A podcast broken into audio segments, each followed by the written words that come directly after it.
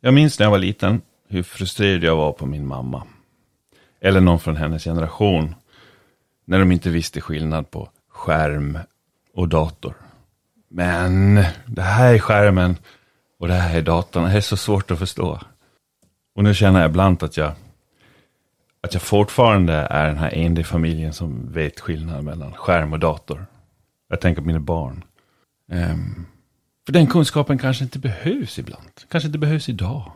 Den här kunskapen, vad är en skärm, vad är en dator? Ja, den kanske behövdes mellan 1985 och 2010 någonstans där. Eh, nu har jag istället blivit den som inte alltid förstår. Och det handlar inte längre om teknik, utan mänskliga relationer, hur vi definierar oss själva. Och jag tänker främst då på könstillhörighet, pronomen, titlar, han, hon, hen. Och jag blir ganska ofta tillrättavisad vid middagsbordet av min tonårsdotter. Som just nu är med mig här i podden. Hej Lea. Hej.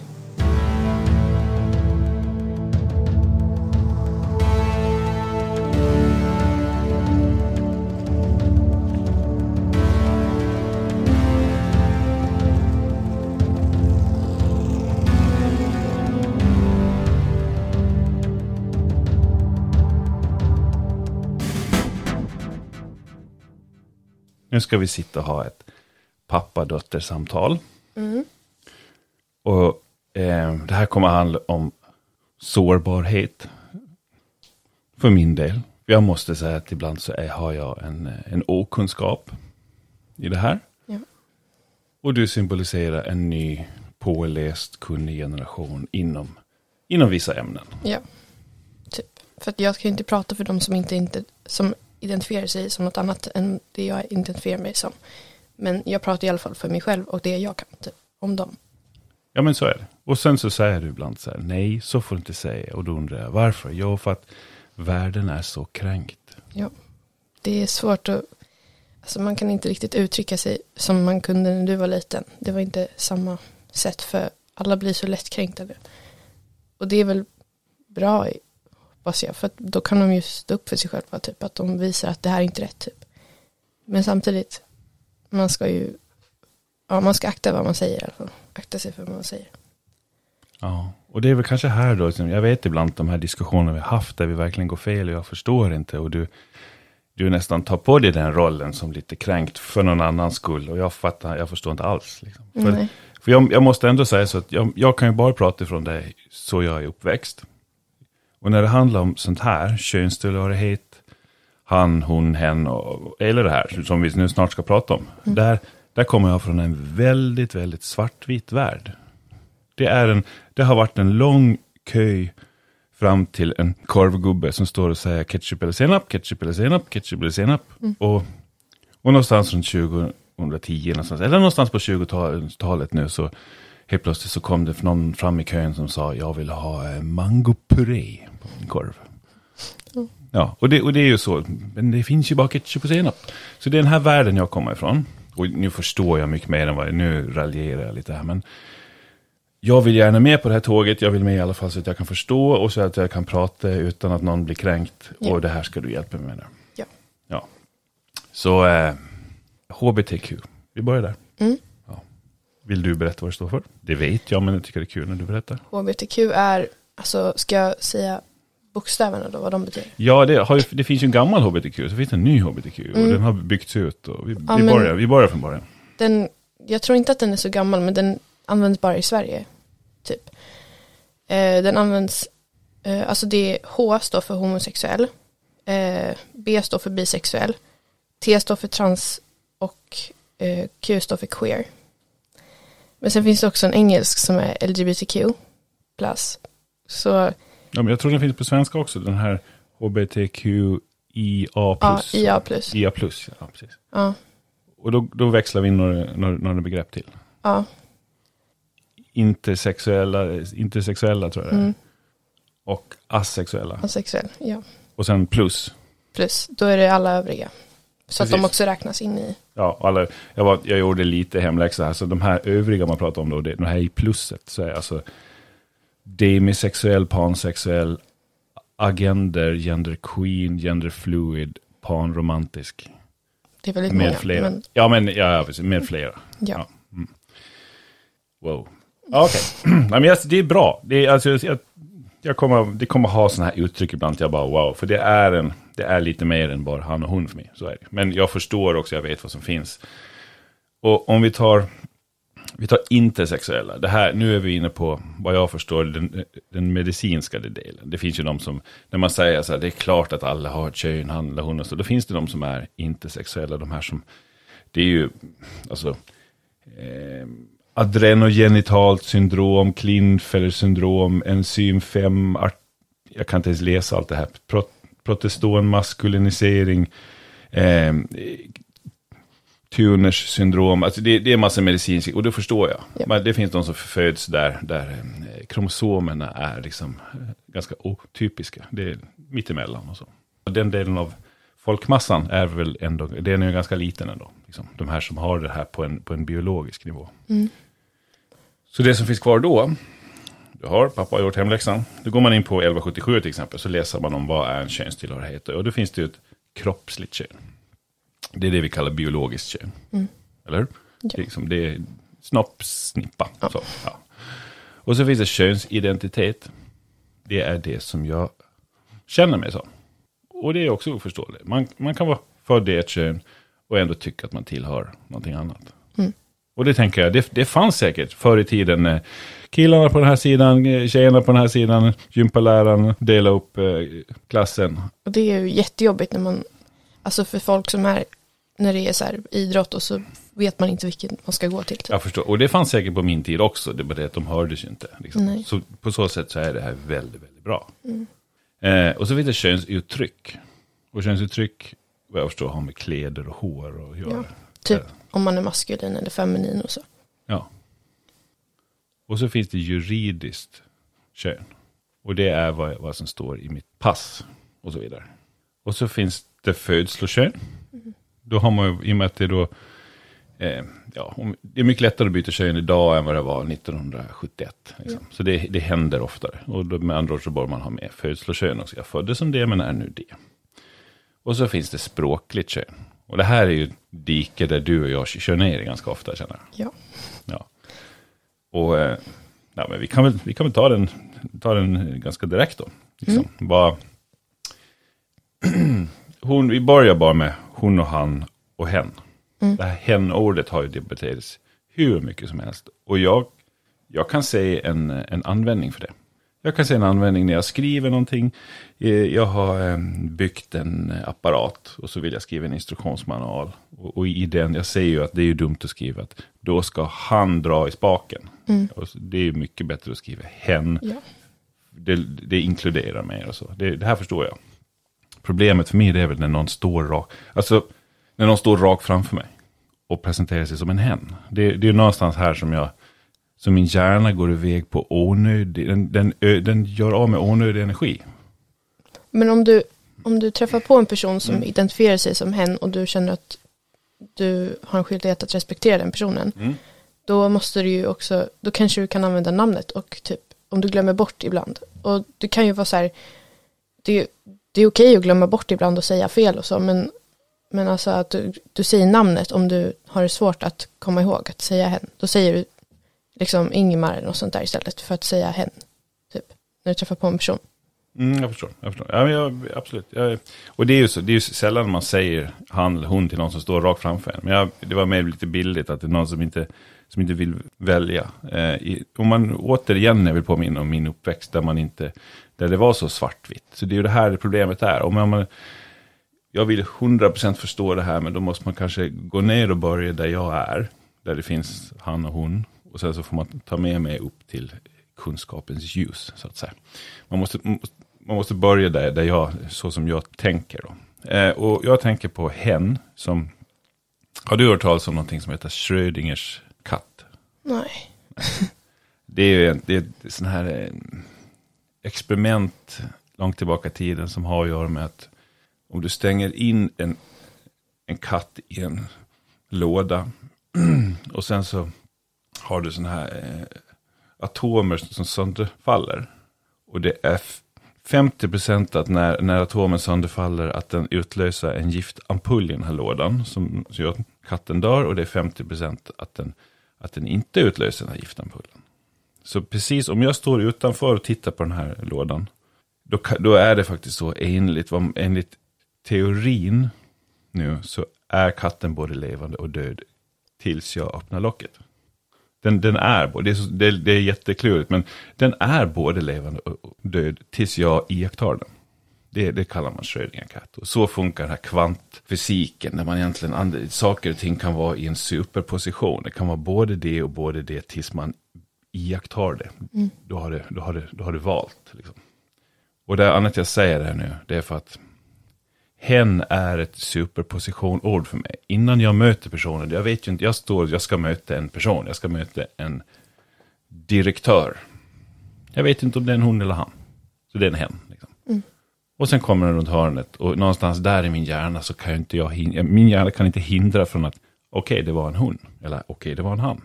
Och om den personen sen kommer fram och presenterar sig som, nu gör man inte det, men om en, en hen så, så blir, hjälp,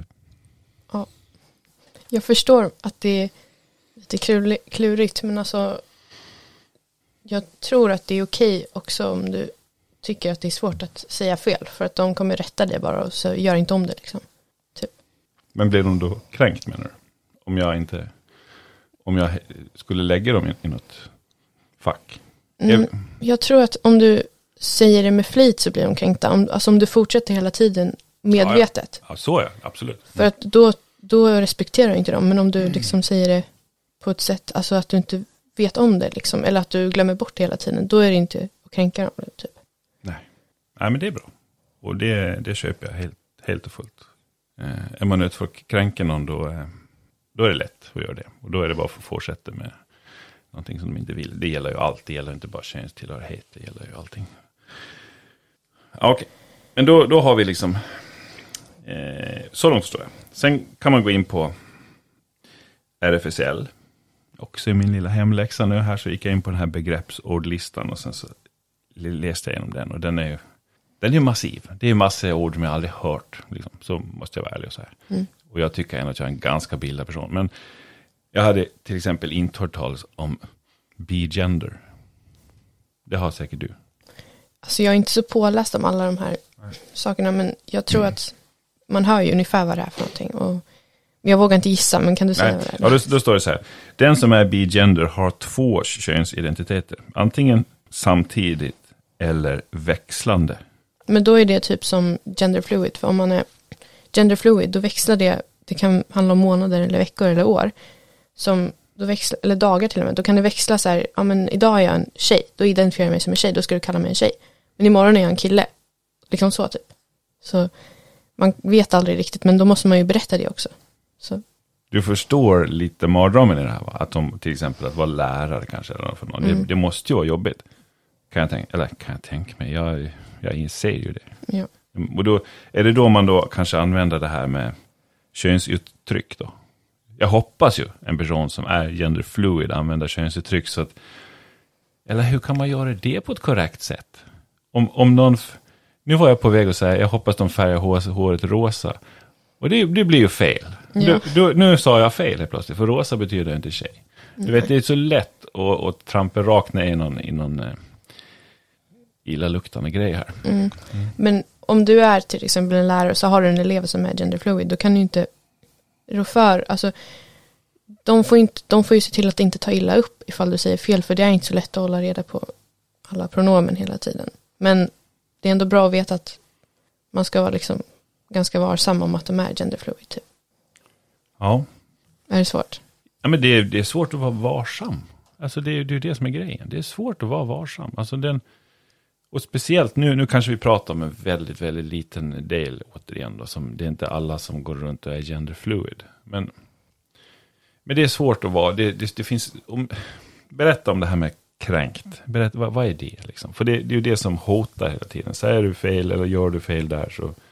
Jag tror att vara kränkt är typ, det är bara när man, när någon vet, om jag, om jag har en kompis som kanske inte riktigt accepterar om jag är, liksom, om jag identifierar mig som något annat än det alla tycker att jag ska identifiera mig som typ. Alltså om jag inte är hon, henne, fast jag är, en, jag är född som tjej. Då kanske personen vet om det men fortfarande kallar mig henne. Fast jag är en dom liksom. Eller om jag är en kille. Jag vet inte. Men att vara kränkt är mest, man blir mest kränkt när någon vet om och liksom vet att jag är inte en tjej längre typ. Och fortfarande kallar mig för det. Inte för att jag, men för att. Ja, ja men så, så, du då som tillhör ja, den här yngre ja. kunniga generationen. Du, du tillskriver fortfarande det att man får lov att göra ett fel innan man vet. Mm. Är det mm. så? Ja, precis. Ja, det är tryggt att veta, känner jag. Men det går ju bra, alltså man kan ju också säga så här, man kan ju be om ursäkt om man gör någonting fel eller så kan de bara, nu sa du fel, så vet man det. Men om du liksom, om du vet, om du kommer ihåg innan du säger att jag vet att den här personen är en kille men jag kallar den här personen en tjej nu, då är det ju inte så snällt liksom. Mm. Om du redan innan du säger någonting vet om att nu kommer jag säga fel med flit liksom. Nej, och jag, men jag någonstans så undrar jag om det är verkligen det som är problemet. Jag, jag, kan tänka mig också att det finns tillfällen där, där kränkt kommer redan i första rummet. Liksom. Oj, varför, varför är en, eh, en blå tröja eh, här? Eh, ska det betyda killar? Ja, men det känns som det är också, kränkt är en, en del av artilleriet för att skapa förändring. Och, och och är man då en person, som jag vill tro att jag själv är, som ändå försöker göra rätt och inte göra andra människor illa, så, så, så blir man beskjuten med att oj, nu var du kränkande. Det, det, är, ju, det är ju jobbigt. Mm. Men det finns ju, alltså, det finns ju en skala på att vara lättkränkt, typ. Alltså det kan ju vara så här, oj, nu sa du fel, typ. Men det kan ju också vara så här, den här personen är homofob för att den kallade mig en sak fel en gång, typ. Så det är liksom så här, mm. transfob för att, eller... Exakt så, ja. Så att det finns ju liksom, alla är ju inte jättelättkränkta, men man kan ju tillrättavisa någon om man säger fel. Mm. Och det är ju också att vara, inte kränkt, men det är ju att vara liksom, jag vet inte vad det är, men noggrann med sina pronomen typ. Och sin identitet, vilket är bra tycker jag. För att mm. Då visar man att, ja, att man inte vill bli fel kallad typ. Det är väldigt svårt att förklara det här ämnet. Ja, och eh, det är väldigt svårt att förstå. Ja. Ibland. Vissa saker är så lätt. Vissa saker är, är um, kan jag inte förstå. Um, kan jag, jag, kan inte förstå det. Och jag, jag vet inte om jag ens behöver skämmas. Till exempel då, jag, jag läste den här listan på allt som finns då. Icke-binära, transperson, transvestit. Och jag, jag förstår dem, absolut. Jag, jag, säger att de behövs. Jag, eh, alltså, och så kommer man till cis-person. En cis-person. Vet du vad det är? Inte riktigt. Jag är, alltså jag är inte så jätteduktig på de här då. Jag läser inte på om det. Liksom Nej, jag förstår mycket, det. Men... Det, är, det, är bara, det, är, ju jag som, ja. läser på. Och det, inför det här, normalt sett så läser inte jag heller på. Så om någon säger så här, men du är en cis-person, då bara, ska jag, ska jag bli kränkt? Ska jag bli, ska jag, ja. Men det är så, jag är en cis-person. Och det är så här, det står man upp det, så i den här listan då, där alla de här står, så, och det här finns med på på 1177. Alltså, det, det var här jag hämtade den här informationen. Kroppsligt kön, könsidentitet, könsuttryck och så var det icke-binära transperson, transvestit och så står det cisperson. Och cisperson, det är när allting stämmer. Mitt födslokön, min juridiska kön, den, alltså min könsidentitet, mitt, när allting stämmer. Mm. Då är man en cisperson. Och jag menar, ja, då är väl jag en cisperson då. Mitt pass stämmer när jag när jag ska duscha så verkar som allting sitter, sitter på plats. Det stämmer där med. Eh, och all, allting, jag är en cis-person. Jag, jag, visste inte om det. Men jag undrar varför finns ens uttrycket då? Det är ju konstigt tycker jag. Men det är ju, varför ska man ha det? Det är liksom så här. Hallå, nu kan jag bli kränkt. Ja. ja du tycker att, att det inte behövs? Nej, men det är ju liksom, eller det, det är väl klart det behövs, men det är ju ingen mening för det. det är ju, du är en helt vanlig person, allt stämmer. Det kan man också säga. Men du tycker likadant med liksom alla de här orden. Du kanske tycker att bisexuell är, ja men eh, man kan ju bara säga att den här personen gillar tjej och kille. Varför finns det ett namn för det? det är liksom... Ja, nej men, nej, nej, men det förstår jag ju. Det är klart det är mycket enklare. Det är enkelt att säga bi, mm. bisexuell. Det, det, det förstår men det är ju, det är klart det är så. En helt normal person. Men jag, jag trodde det hette straight på något sätt. Ja, eller men, hetero. Ja, men ja. Känns som att he- hetero det är mer inriktat på, Ja, läggning. på typ. kön. Liksom sådär. Vi har Jaha. läggning, precis, Ja. exakt. Eh, Men straight är liksom lite mer eh, omfamnande begrepp. Så att jag är straight i alla avseenden. Och då, då tänker jag att cis-person, varför har man det? Nej. Men straight är väl bara det engelska ordet för. Ja, Det kanske finns ett likadant. Ja, men om man tänker motsatsen till straight är ju egentligen, det är ju i min värld kanske, ja nu återigen min värld, den är ju så skev har vi upptäckt ibland. Men, men min värld så är den queer. Straight queer, det är liksom motsatsen. Mm. Ehm, så att och queer är ju allt, allt som inte, alltså det som inte ingår i normen. Alltså inte, att, vara, att inte vara normal på något sätt, avvikande, Mm. deviant. Och då är Mm. man queer. Och så är man inte någon, är man inte, är man straight, man följer den här flocken. Då är man straight. Men jag vet, mm. Jag har ju klarat mig hittills i alla fall. Jag har Ja. kommit så här långt på den här eh, bristfälliga kunskapen. Jag har en reflektion här. Mm. Om jag skriver en bok nu, jag är författare och skriver en deckarroman, då eh, skulle jag vilja säga att det är ganska vanligt att man använder hon eller han. Ja. Orden hon eller han. Alltså om det finns karaktärer som är hon eller han så. Ja. Ja. Ja. Och min reflektion är, om jag istället skulle skriva hen, då tappar jag någonting värdefullt. Jag tappar någonting värdefullt hos läsaren. Det är min reflektion nu. Det är min, Mm. nu öppnar jag mig själv. Det är sårbarhet, jag kan ha fel. Men det känns som jag tappar läsaren. Om jag, jag hade kunnat lika väl kunnat skriva huvudpersonen hela tiden. Huvudpersonen går till höger. Huvudpersonen plockar upp en yxa Mm. jag tappar ju visualiseringen som läsaren har då. För de, det känns som att där behöver man veta om det är en hon eller han, eller man behöver, man behöver förstå. Så varför kan vi inte skriva hen i vår litteratur, men vi förväntas använda det i vår vardag? Har du funderat på det? Alltså, jag kan inte säga att det är konstigt att skriva hen i böcker för att det är väldigt många böcker som har ordet hen i sig och det är böcker om LGBTQ och allt sånt där. Så Ja, men inte, instruktionsmanualer Mm. och, och, och nödutgångar. nu pratar du om romaner och så. Ja, romaner. Ja. Ja. Har du någon gång läst en bok som, där de skriver hen? Mm, inte vad jag vet men jag skulle anta att de, de, de skriver bara hen och sen använder de namnet ganska mycket också. Så att man vet, liksom kommer ihåg vem det är och så. Så att man inte tappar bort sig liksom.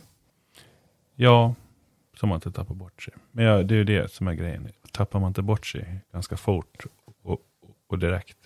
Alltså känslan, inlevelseförmågan. Man, hela tiden man tänker, tänk om jag vore, tänk om... Ha, jag vet inte, har inte den att göra med det? Att man... Nej, jag vet inte. Jag, jag skulle, tror jag att jag skulle tycka det var jobbigt att läsa hen eh, i en spänningsroman. Ja. Jag, jag vill inte säga att jag håller med men jag kan tycka att det, jag hade kanske inte heller fastnat för liksom en bok där de säger hen så mycket för att jag hade väl tappat bort mig men jag läser inte så mycket. Men samtidigt så hen kan, alltså det är inte fel att använda det i en bok. Nej, det är Ehm, inte fel. nej. Men, men eh, ja, vem blir rätt? Vilken gråzon. Mm. Ja, otroligt. Ehm, jag vet att Finland har ju alltid, vet jag inte, men de har ju, jag tror det är så att, jag tror det är finnarna som har att de har allt, och jag är där igen, alltid. Jag tror de har ett språk som där de har den här könsneutrala grejen. Alltså det är, någon, det är ingenting nytt för dem. Det har blivit, jag har läst om finnar som lär sig svenska och hur de liksom måste tvingas tänka på hon eller han hela tiden. I deras språk så är det liksom, ja, ingenting i- mittemellan där. Ja. Och det är ju häftigt. Det är ju kul att de har haft det. Och, då, då, och ur den aspekten så är det ju jättebra att vi också börjar skapa ett sånt. Men jag vet ju också hur när jag gick, när jag gick i skolan och folk gick och lärde sig andra språk, vad det nu var, franska eller så, då, då är det så att då, där har ju så mycket mer han och hon, där har ju till och med saker och ting Mm. har ju liksom könspronomen. Bord är ju liksom en han eller en hon. Och, så vidare. och det är ju jättesvårt för svenskar, varför, varför är bordet en hon? Mm. Ja, det, alltså jag, jag förstår ju det där med språket att det är liksom maskulint och feminint och så. Mm. Det är ju så i spanska och jag pluggar ju spanska och då är det ju så här la mesa, det är ju bordet. Mm. Och då är det feminint för det är ju la. Mm. Men ja, jag vet inte riktigt vad jag ska komma med för åsikter för att jag kan inte riktigt prata för din tid i skolan när du var liten och så. Nej men det är ju samma. Det är samma. Alltså, Mm. jag bara tänker, vi har ju några sådana. Vi har klockan till exempel. Mm. är ju någonting som, även om inte det framgår av vårt språk, så vi ser på klockan som en hon. Mm. Vad är klockan? Ja, hon är kvart i tre. Vi använder hon där. Mm. Så det finns ju någonstans under ytan i vårt språk också, på vissa saker. Eh, men eh, om jag ska fråga, vad är det för färg på din bil? Då är det inte, ja, om någon säger hon är röd, då, då är det ju en, eh, då är det en raggare som svarar. För han, hon, han, det, då, fin, nej, men då, då har man ju en personlig relation med sin bil. Liksom. Mm, Så, ja. så är det. Eh, Men, Ja men nu, åh, när man sitter och pratar så kommer man på, då har, har du vad jag sa? Då har man en personlig relation med sin bil. Och det är väl det jag är ute efter när jag, när jag pratar om det här. Om man skriver en roman, skriver jag han, hon där i romanen, så finns det en möjlighet att jag kan börja bygga en personlig relation. mm, Hen är ju inte det. Är hen personligt? alltså, jag, om jag säger, om jag liksom, någon skriver hen i en bok, då kan inte jag riktigt tänka mig framför hur den personen ser ut. Nej. Men jag kan fortfarande kanske bygga upp en relation när jag läser boken med den här personen och tänka mig in i personen. Men alltså så här personligheten och hur personen är och så. Kan du? Ja, men jag kan inte se personen framför mig. Men jag kan tänka hur personligheten är och så. Är det inte jätteviktigt när man läser en, läser en bok? Egentligen, egentligen inte tycker jag. För att du behöver ju inte se hur en person heller ser ut i en instruktionsmanual när man skriver hen heller. Nej, nej, men instruktionsmanual. Det är så här, hur man... eh, Ja, men du Nej, behöver men jag, jag behöver inte... jag behöver inte in. se framför mig personen jag Nej, läser. nej, inte en instruktionsmanual. Inte en roman heller tycker jag. Jag tar liksom inte upp min eh, instruktionsmanualen till min eh, kaffebryggare hemma och bara sitter och lever mig in i den. Liksom. Nej. Men Och då tar hen fram kaffefiltret. Behöver du se framför dig då personen när du läser en roman liksom? Ja, Jag, jag känner inte det behovet att jag behöver se den personen. Men skojar du? jag skojar inte. Du läser det som du läser fakta. Då tog Frodo ringen. Det är bara det är helt blankt. Liksom. Men alltså det är ju, när jag, jag gillar att skriva, när jag skriver då skriver jag ju detaljer.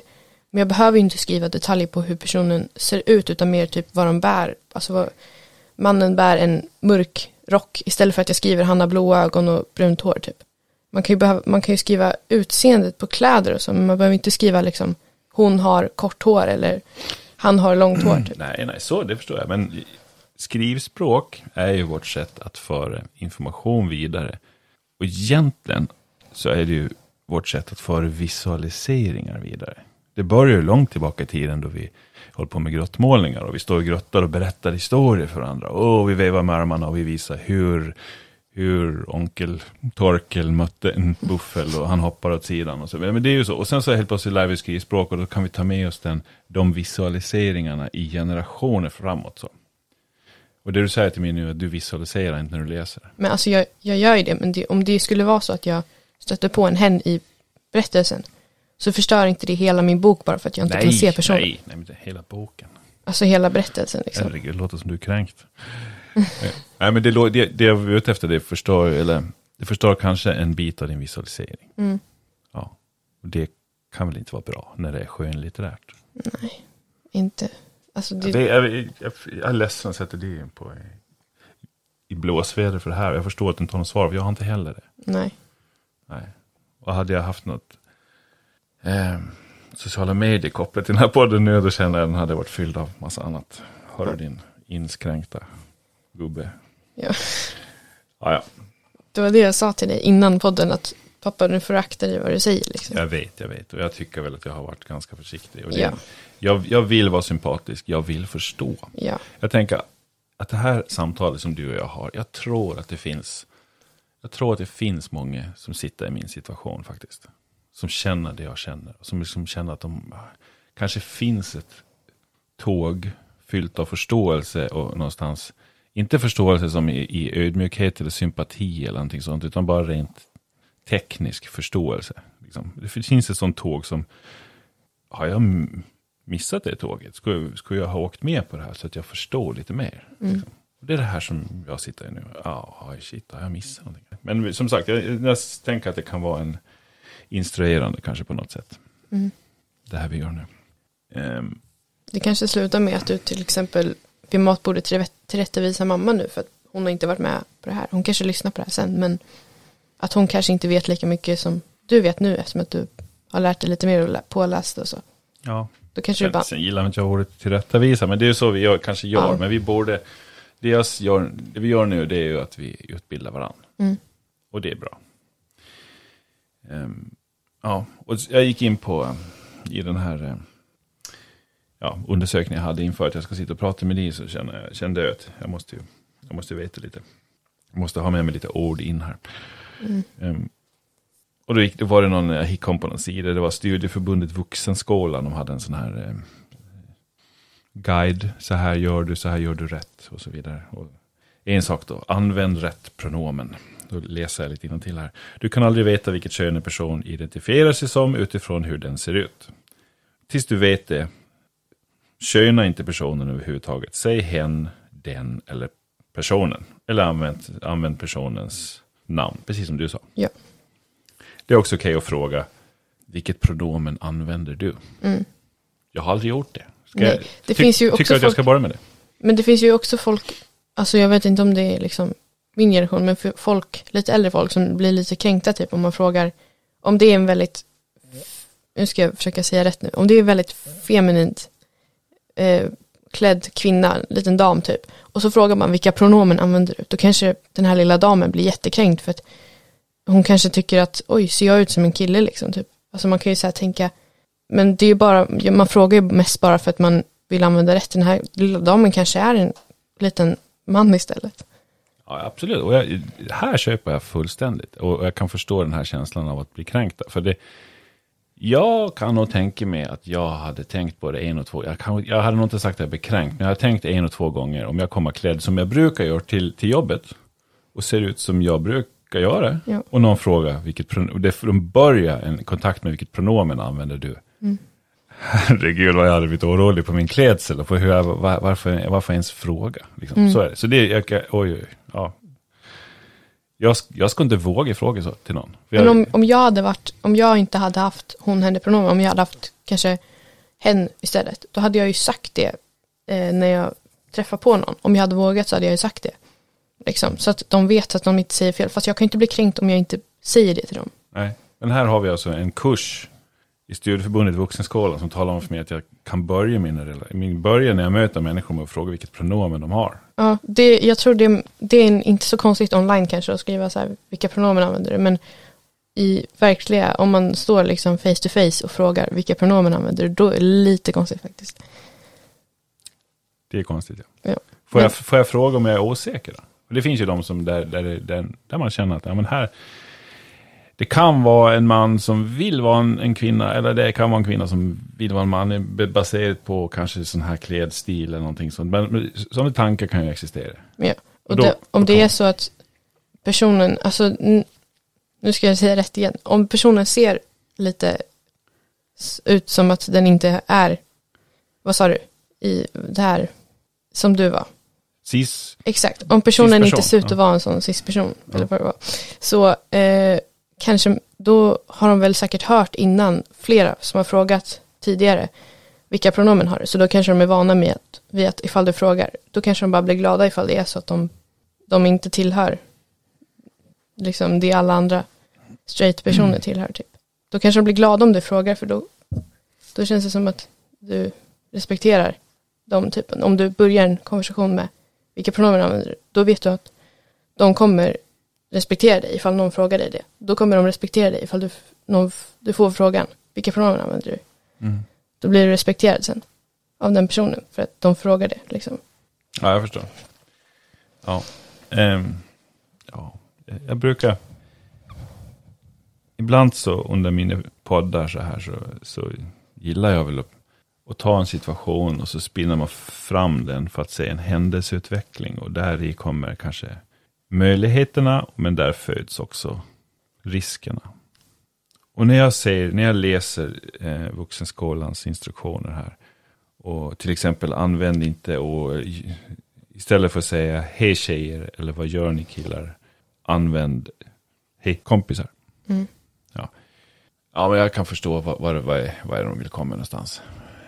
eh, jag ser också en risk poppa ut. Mm. Och det är att jag bara är tyst. Det är ju inte så bra heller. Nej, men till slut så kanske jag eh, gör det. Jag kanske inte tilltalar människor längre. Om jag ska börja med, hej, vad har du för, innan vi börjar, vad har du för pronomen? Till slut så orkar jag inte ta den. Jag, jag går, nickar lite så går jag förbi. Mm. Tror du inte att det är en risk? Eller så är det som du lever i en som värld att alla blir lättkränkta. Då kanske du lär dig till slut att hur man ska börja en konversation. Alltså alla börjar lära sig. Din generation också. Alltså, jag tror att det blir lättare efter. Du tror att om man har råkat ut för tillräckligt mycket kränkthet så lär man sig av det? Nej, men alltså det är ju det svåraste. Det här var ju typ det svåraste ämnet att förklara. Men Ja, jag förstår. Jag tycker också. ja, det är ju, Jag, jag vet inte om jag lär mig av att någon blir kränkt på mig. Jag blir snarare ehm, mer... Eh, osäker typ. ja, jag, blir, jag blir bränd och bitter tror jag. Och, och, och ju mer jag blir utsatt för, för att någon blir kränkt. Jag, Mm. jag, till slut så någonstans inom mig så börjar jag tvivla på mig själv. Vad är det för, vad är det för fel på mig? Liksom? Just, jag, jag började ju hela avsnittet med att sitta att ja, men jag är en, kanske, kanske för gammal. Jag har växt upp i en, i en korvkö där man fick välja mellan Mm. ketchup och senap. Det, Ja. måste, det måste vara fel på mig.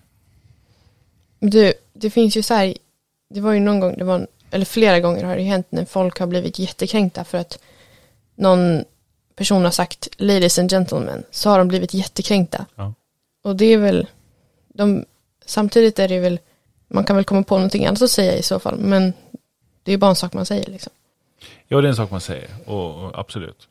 Och då, då, jag tror att man... Du satte ju fingret på någonting där. Jag tror att man faktiskt mer och mer slutar säga så. Trots att det är en klassisk öppnings... Eh, den röda ridån går åt sidan Mm. och bara Ladies and gentlemen, welcome to the show. Så, jag tror man har slutat med det. Mm. Mer och mer. Eh, och jag, vadå, vem är det som, som saknar det gamla mossiga uttrycket? Det, vi, vi kan väl Yes. skaffa nya uttryck. Ja. Det är jag med på. Så Mm. progressiv är jag faktiskt jag. Men ehm, ändå så ser jag risken till den här, eh, om man, om, man inte, om man inte klamrar sig fast på det här tåget som jag försöker göra nu genom att intervjua min egen dotter. Eh, bara för att jag vill lära mig själv, jag vill att andra ska kunna lyssna på det och bara få att, ja men just det. Om man inte klamrar sig fast på det här tåget, då är ju risken att jag, nej men vet du vad, jag, jag, det är en sån eh, gegga det här. Och det är så risk att kliva på fel, eh, alltså kliva på någons tår, göra någon ledsen, arg. Och sen resultatet att jag blir utsatt för eh, eld. Och det gör ont, så jag håller tyst. Mm. Men någon, man kan ju aldrig bli arg om du inte visste liksom. Om du inte vet så kan man ju inte liksom lägga all ilska på dig ifall du av misstag kallar någon för fel pronomen. Och det är det jag är rädd för att man kan. Det är det som jag är rädd för att det händer runt om. Mm. Det är, jag, jag har hört om otaliga lärare som har fått, eh, fått veta åt för att de har i en lektion eller hur de har hälsat på elever och så vidare. Det, det här, jag är rädd för att man inte alla gånger får en, en chans. Om man, vad ska jag säga, det är så här, vi, en vanlig vardag försöker vi komma igenom från det att vi vaknar till vi går och lägger oss och någonstans där i mitten så ska vi försöka välja från en meny vad, vad vi ska äta för, för mat. Men allting ska vara snabba, enkla beslut på beslut på beslut på beslut. Och i det här, när jag, när jag möter någon person, för det var bara ett snabbt beslut. Jag var på väg till lunchmatsalen, jag hade annat i huvudet. Och det är det här grejen att, oh, wow. Och det blir en sån stor grej. Liksom. Mm. Jag respekterar inte den personens pronomen. Ja, men, oj, det var inte det jag, du vet. Så, det händer tror jag. Ja, men jag tror inte att någon kommer någonsin bli nöjd för att om man säger, om man kommer på något nytt att säga istället för ladies and gentlemen, då blir det ju, då blir ju alla de jätteglada liksom. Men den här alltså generationen långt tillbaka som alltid har hört ladies and gentlemen, de kanske inte blir så nöjda för att vi byter det här. För att de kanske inte förstår sig på pronomen och sånt där. Mm. Alltså, aldrig kom, någon kom, ingen kommer ju någonsin vara nöjd. Men man får ju försöka hänvisa till folks pronomen och samtidigt inte bli som du säger, typ att man blir tyst typ. Nej, så är det. Och sen, sen finns det alltid ett extremfall. De, 2017 så, så var det ett kanadensiskt par som fick världens första könlösa babys. Mm. Alltså den, du har säkert hört talas om det här. Nej, inte, jag tror inte jag har hört om det. nej, okej. nej, men det, det var i alla fall, och den var inte könlös om man tänker ur en biologisk aspekt. Så. Men eh, det här paret bestämde sig att det här barnet får inte registreras traditionellt.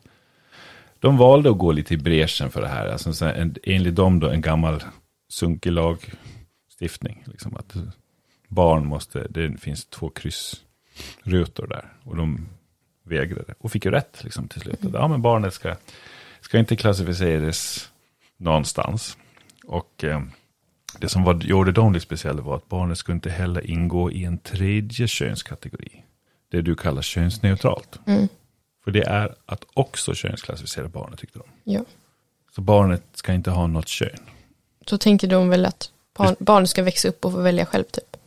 Jag vet, jag, så långt förtäljer jag inte historien. Liksom, hur, hur, vad jag har, det finns säkert förklaringar. Jag har inte hört några intervjuer och så här med dem. Men det är just att de, de till och med gjorde det. Barnet ska inte ens vara könsneutralt. För könsneutralt är också en könsbestämning. Så det här, jag vet inte hur jag ska förhålla mig till det. Jag, egentligen så jag behöver inte förhålla mig till det. Jag kan bara, det jag kan göra Mm. är att sk- skita i det. Liksom. Jag behöver inte tänka på det. Jag behöver inte bry mig. För jag känner inte dem. Jag kommer aldrig, jag kommer aldrig ha med dem att göra. Jag kommer, så, så. Men det är ju också att bli tyst. Det är, ju- Ja. ju samma grej egentligen. Ja. Jag, jag vet inte ens, när jag kan, får jag tycka någonting? Kan jag tycka någonting? Nej, Jag tror inte jag kan tycka någonting, utan det riskerar att någon eh, tycker att jag tycker fel. Så, ja, men jag, okej, jag tycker ingenting. Nej. Är det inte läskigt? Alltså, jag är ganska van vid och jag har väldigt många kompisar som inte går med hon eller han. Så för mig är det ganska lätt att typ tänka innan jag säger typ. Så att jag säger inte fel när jag säger till mina kompisar. Men jag, oftast de här kompisarna har jag online. Så det är inte så svårt att liksom, om jag råkar skriva henne, då kanske jag kan sudda det där och bara skriva honom istället. För att jag säger ju inte det här. Och då, då jag, om jag skriver det, då blir det ju mycket lättare att tänka innan. För de här kompisarna jag har är ju online. Mm. Men om du skriver fel, Mm. då har du f- förbrukat det här, det som kan hända när man pratar, att man råkar säga fel. Ja, För om du skriver fel, då har Ja. du haft möjligheten att sudda ut det och ändå har du inte gjort det. Ja. Så då är det ju en direkt kränkning. mm. Är det så? ja, och då gäller det att säga förlåt också. För att av de jag har sett som har sagt fel, de har också oftast bett om ursäkt efter och så har det varit okej liksom. För så lättkränkt är man inte, att man inte förlåter dem om man säger fel liksom. Eller skriver fel. Wow. Jag vet inte om jag ska be om ursäkt för att jag gav dig den här konstiga kränkta världen. Eller om, du, om, om det är ditt fel för att du har, ni, ni har skapat den själv. Ja. Jag vet inte. Jag, jag tycker det är jobbigt att det, att det är en sån... Jag tycker kränkt är, är jobbigt. Men jag förstår också, det finns ju tillfällen där kränkt är bra. Det, det, är en, det ger en möjlighet för de som känner sig under stöven. Eh, att de verkligen kan göra sig hörda. Och, och makten till det såklart. Men den används högt och lågt. Mm. Ja, tror du att det finns eh, bot och bättring för, för mig då? Tror du att jag kan... Eh, Jag tror, jag tror att, jag vet ju att du inte vill någon illa, så att jag tror att, men du är ju på rätta vägar, du säger ju rätt när du pratar och så, så att, Mm. Oh ja. Jag kanske inte tänker rätt all, alla gånger. Jag kanske inte håller med alla gånger. nej, Är det, är det, är det okej? det är okej att inte hålla med, men folk är ju kränkt, alltså, om du, det är så här, om du inte har samma åsikt som någon annan nu, om eh, hbtq, så är du homofob typ, för att du tänker lite mer, inte negativt, men lite mer så här, Ja, men homofob? Oh, herregud. Ja, men nej, nej, oh, det här måste ju backa på. Ja, men jag har sett så många, alltså det, jag tycker inte så, men jag har sett så många som har varit så här, ja men eh, den här personen är homofob, den kallade mig liksom fel med flit typ, för att den personen inte håller med. Jaha, ja. Nej, det är så här. När det kommer till kön och som har med sexuell läggning att göra, då, då är jag med på tåget tror jag. Jag tror inte jag saknar någonting där. Ehm, och då har jag liksom, jag har, jag har, ehm, jag har rest runt i USA, jag har gått på gayklubbar, det är de absolut roligaste klubbarna att gå på egentligen. Även om man är, man är hetero, för det finns ingen, det finns ingen hotfull stämning i- på en gayklubb. Om man går in på en annan klubb, det är bara, "Åh, kollar på min tjej och för det. det skitjobbigt. Går man på en gayklubb, liksom, okej, det är en, och annan som man, eh, klappa en på skinkan. Det får man, det, sånt händer liksom i, i, eh, i alla fall då, inte nu längre tror jag. Eh, Jag har blivit för gammal.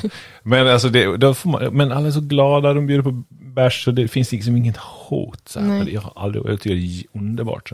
Så, ehm, nej men jag, när det handlar om sexuell läggning, då är jag helt med på tåget. Mm. När det handlar om epitet, titlar ibland, så eh, jag vet inte om jag är för mycket biolog. Jag tänker liksom, det finns, du har de kromosomerna du har när du, när du tar ditt första andetag och du har dina kromosomer du har när du tar ditt sista andetag. Du kan Mm. aldrig ändra på det, alltså biologiskt. Eh, och, och, och sen så kan du känna dig som ett ankön. Det är Mm. allting det köper jag. För då är vi in på sexualitet nästan igen då. Hur du känner, hur du upplever dig själv och så. Men när du inte vill kalla dig för det ena eller andra. Det är någonstans där som jag känner, ja det tåget, det, det, det skulle ha varit här kvart över fem, men Mm. jag miste det. Liksom. Ja. Det här känns neutrala. Jag, jag, är, jag hoppas jag kommer dit, att, att jag kan förstå det också, Mm. det är inombords. Men sen om någon vill bli kallad för det, så kommer jag kalla den för det, och hen, och, och, och, och, då- och där. Det är så, jag, jag har ju den respekten. Eh, Så jag tror inte du är missnöjd med, din, eh, med var din pappa befinner sig Nej, rent, inte mot alls. andra människor. Men jag, jag öppnar mitt, mitt hjärta lite nu och så bara Mm. först, det är kanske att jag inte förstår neutraliteten lite. Är det okej att gå omkring i sin hemlighet och inte riktigt förstå? Alltså i sin hemlighet behöver det inte vara. Alltså, jag tror det fin- finns jättemånga som inte heller förstår. Men oftast, de där jättemånga är ju oftast din generation och inte, Ja, för det är ju inte de som, det finns ju ingen, jag vet nog ingen från min generation, av mina kompisar. Alltså jag vet ju, kanske jag har haft någon klasskompis som inte riktigt håller med eller tycker någon dåligt om sånt där. Men alltså min, in- alla mina kompisar förstår allting om det här. Om eh, identiteter och typ sånt där. Så att jag, jag tror inte att det är min generation, men det är nog mer din generation som inte förstår så mycket. ja. Det är okej också. Och då Ja. är det ju ett ganska övergående problem sen. För om 50 år då är då kommer inte det här vara ett problem längre. Nej, men alltså det är väl okej att inte förstå. Ni har ju i alla fall en förklaring till att inte förstå. Men bara ni är öppna för att lära er så är det väl bra. Och hur lär jag mig då? Vad gör jag om jag vill lära mig? Du gjorde ju precis det. Du läste på och du lärde dig mer om typ, du lärde dig här om det cis-person och massa sånt där. Ja. Det är ju ett steg typ. ja, ett steg för att närma mig den. Mm, Er då? ja. Och sen måste man ju inte, om man inte vill så måste man inte förstå, men det är ju, om man vill säga rätt och inte göra någon kränkt då, då är det väl bra att lära sig om sånt där. Tack för det här samtalet. Det lär ju fortsätta offline ibland på- vid middagsbordet. Och jag uppskattar det faktiskt jättemycket. Jag uppskattar att du kom hit och pratade Ja. om det som eh, när jag öppnade mig och visade min, min sårbarhet. Hur jag Mm. kan gå fel i tanken. Och jag tror det finns många med mig Ja. som kan göra det. Det tror jag också. Men vi ska fortsätta vara öppna och vi ska fortsätta att sträva mot att förstå. Tack så mycket. Tack.